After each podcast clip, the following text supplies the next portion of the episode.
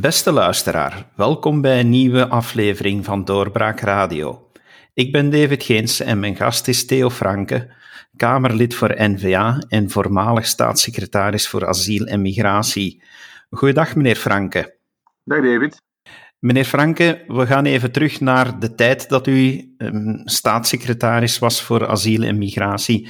En toen was er de zaak rond het Syrisch gezin dat uh, uit Aleppo kwam en een humanitair visum aanvroeg. Dat was 2016. En als we nu even daar naar kijken, kan u toelichten wat dat daar juist toen gebeurd is? Ja, dus het, ging over een gezin uit uh, Noord- uh, of Oost-Aleppo, die uh, een aanvraag had ingediend op de ambassade in Libanon, de Belgische ambassade, voor een visum kort verblijf. Dus om eigenlijk in België te kunnen, naar België te kunnen afreizen. Met als doel om dan in België natuurlijk geen toerisme of geen vrienden te bezoeken, maar om hier dan asiel aan te vragen. De man zelf had contact, uh, had een vrouw leren kennen, of een, een jonge dame leren kennen uit uh, Wallonië. De dochter van een, uh, een adellijke familie, een, een, baron en een barones. Um, tijdens zijn verblijf in Istanbul in Turkije. En ja, van het een kwam het andere. En had de barones en de baron hadden de bedoeling om dat gezin in huis te nemen in hun kasteel in Wallonië. En hadden ze dus in die zin, waren ze dus afgereisd naar Libanon, naar Beirut, waar onze ambassade zich bevindt, om daar dan een visumkort verblijf aan te vragen. Dat dossier is dan overgezonden naar de dienst Vreemdelingenzaken. En de dienst Vreemdelingenzaken heeft dat geweigerd om dat dossier, om, die, om dat visum af te leveren, omdat ja, je kan niet, als, je kan geen asiel aanvragen op een Belgische ambassade, want als je dat zou doen, natuurlijk, dan, uh, ja, dan is er geen grens meer. En dan heb je eigenlijk alle mensen die denken dat ze asiel, recht op asiel hebben in de wereld, die zullen dan naar Europese ambassades gaan om daar asiel aan te vragen. Dus een, een, een, toch wel een zeer principiële kwestie van waar dat uw grens juist ligt als land, als Europese lidstaat. Ligt dat hier aan de buitengrenzen van de Schengenzone of ligt die ook op alle diplomatieke posten in het buitenland, wat natuurlijk een fundamenteel verschil is. Is dat dan een onderdeel van het asielrecht? Want een gezin kan dus wel degelijk recht hebben op asiel, maar kan dat niet aanvragen in een ambassade of een diplomatieke post. Klopt dat? Ja, dus uh, je kan uh, inderdaad geen asiel, je kan een, uh, geen visum aanvragen met het doel om asiel aan te vragen en dus in die zin op die manier binnen te reizen. Dat is inderdaad onmogelijk. Nu kan je asiel aanvragen aan het asielloket in Brussel. Uh, dat kan dus wel. En daarnaast zijn er een aantal relocatieprogramma's waarbij we dus echte vluchtelingen uit vluchtelingenkampen in Oost-Congo, in uh, Turkije, uh, in Syrië en Libanon binnenvliegen via een programma van UNHCR. En dan ten derde heb je de mogelijkheid van de humanitaire visa. Dat is het systeem dat onder andere ervoor zorgde dat wij meer dan 600 christenen hebben gered uit de klauwen van IS en Al-Nusra in Syrië. En dat is via humanitaire visa, waar men dan wel het eh, recht krijgt om binnen te vliegen. Um, maar dus zomaar naar een ambassade gaan en zeggen: Kijk, ik ben bedreigd en uh, jullie moeten mij een vliegtuigticket of to toegang geven tot uw grondgebied, zodat ik asiel kan aanvragen. Ja, je begrijpt natuurlijk dat, dat, dat de, de, de, grens eigenlijk verlegt naar, naar heel het buitenlandse diplomatieke kanaal en al uw, al uw posten in het buitenland. En dan zouden natuurlijk miljoenen mensen dat doen. Hè. Dus Zwitserland heeft dat ooit gedaan en daar zijn ze ook direct van teruggekomen, omdat dat niet houdbaar was. Je kan dat uh, gewoon uh, niet georganiseerd krijgen, want dan komen er natuurlijk miljoenen mensen uh, asielaanvragen op die buitenlandse posten. Wat is dan het vervolg geweest voor dit gezin? Zij hebben zich daar duidelijk niet bij neergelegd. Ja, nee, dus zij zijn dan met, met advocaten, zijn ze dan, en vooral met het advocatenkantoor van Progress Lawyers Network, dat is een en uh, een van de vele uh, poten van de P van de A, van de communistische partij in dit land. Dus dat is een advocatenactivisten. Die hebben natuurlijk dat aangegrepen om een hele principiële zaak te pleiten. waarbij men zegt dat asielaanvragen op buitenlandse ambassades en consulaten wel mogen kunnen. En dat dus in die zin het asielrecht opgerokken wordt via die visa-kortverblijf naar alle buitenlandse posten van de Europese Unie. En daar heb ik me tegen verzet, omdat dat natuurlijk een heel principiële zaak is. En dan is het ook zelfs het moment gekomen dat een deurwaarder op uw kabinet, op uw kabinet is langsgekomen, klopt hè? Ja, dus zij zijn naar een, dat is een procedure via de Raad voor Vreemdelingen. Dus wij hebben dat visum geweigerd. Ze zijn naar een beroep gegaan bij de Raad voor Vreemdelingenbetwistingen. Um, tot tweemaal toe. En dan heeft die rechter uiteindelijk gezegd: ja, je moet dat visum geven. En daar heeft hij zijn bevoegdheid overschreden. Want de rechter kan een beslissing van de dienst Vreemdelingenzaken wel vernietigen uh, of schorsen, maar kan uh, niet in de plaats van de uitvoerende macht treden. Kan dus niet in de plaats van uh, de dienst Vreemdelingenzaken, dus de administratie en dus de uitvoerende macht, de regering, kan niet in de plaats treden en kan dus niet zelf beslissen. En dat heeft hij gezegd dat ik het visum moest geven. En uh, als ik dat niet zou geven, moest ik 5000 euro per dag dwangsom betalen. En dat heb ik ook geweigerd. Ik heb altijd geweigerd dat te betalen, omdat hij die, in mijn ogen die rechter volledig zijn boekje te buiten ging. Inhoudelijk, maar ook gewoon principieel. Uh, de scheiding der machten geldt ook voor de rechters. Zij kunnen niet in, uh, in, uh, in, in rechten optreden namens de bureaucratie, namens dus de, de uitvoerende macht. Dat kunnen ze gewoon niet doen. En daar heb ik gelijk gehaald, maar ondertussen liep die dwangsom en dan krijg je natuurlijk alle mogelijke gerechtelijke procedures.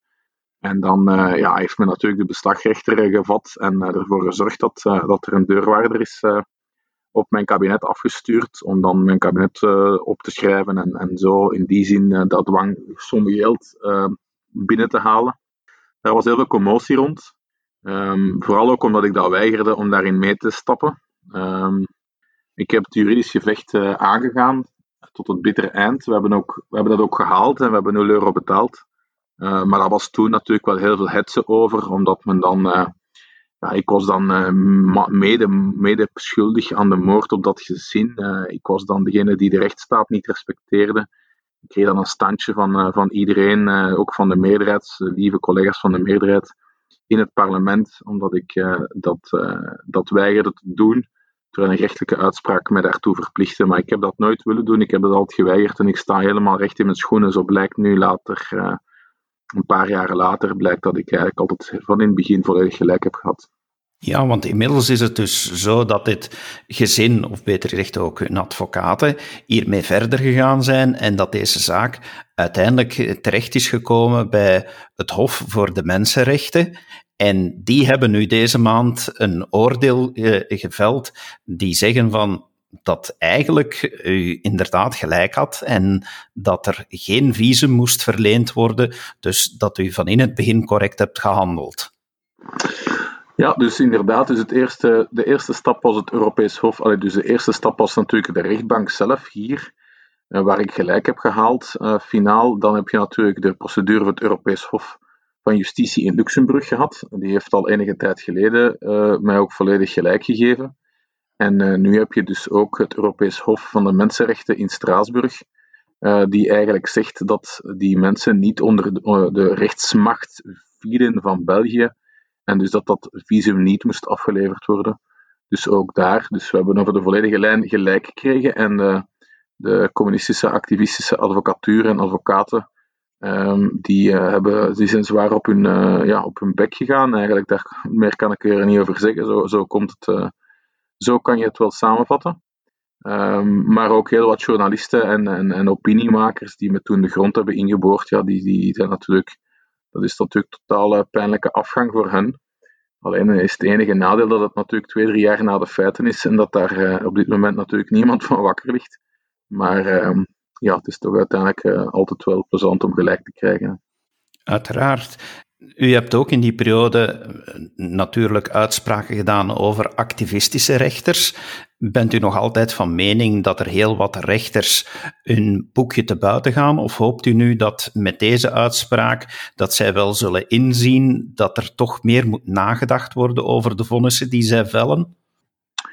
Dat is een hele goede vraag. Um, ik kan maar hopen dat deze rechter uh, serieus uh, op de vingers wordt getikt door de eerste voorzitter van de RVV, voor de Raad voor Vreemdelingenbetwistingen, want het is echt een schandalige uitspraak. Maar uh, ja, ik heb daar niet veel illusies over. Dat zal waarschijnlijk niet gebeuren, maar dat is eigenlijk wel wat zou moeten gebeuren. Um, ik heb ook een wetsvoorstel ingediend voor de evaluatie van de RVV-rechters, om dat nu eindelijk op poten te krijgen, want er bestaat nog altijd geen uitvoering aan het KB van uh, de evaluatie over die RVV-rechters. Dus die hebben eigenlijk uh, de handen vrij.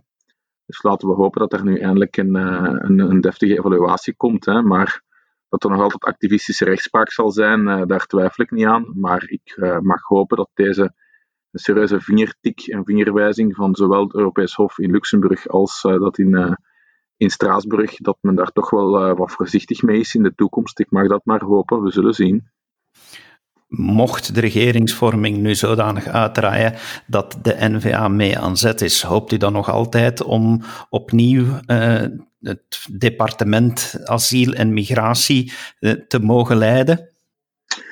Ik ga daar niet op vooruitlopen. Ik uh, vind dat er een regering moet komen, omdat de economische crisis die aankomt, die niet zich volop aan het ontwikkelen is, dat die immens gaat zijn.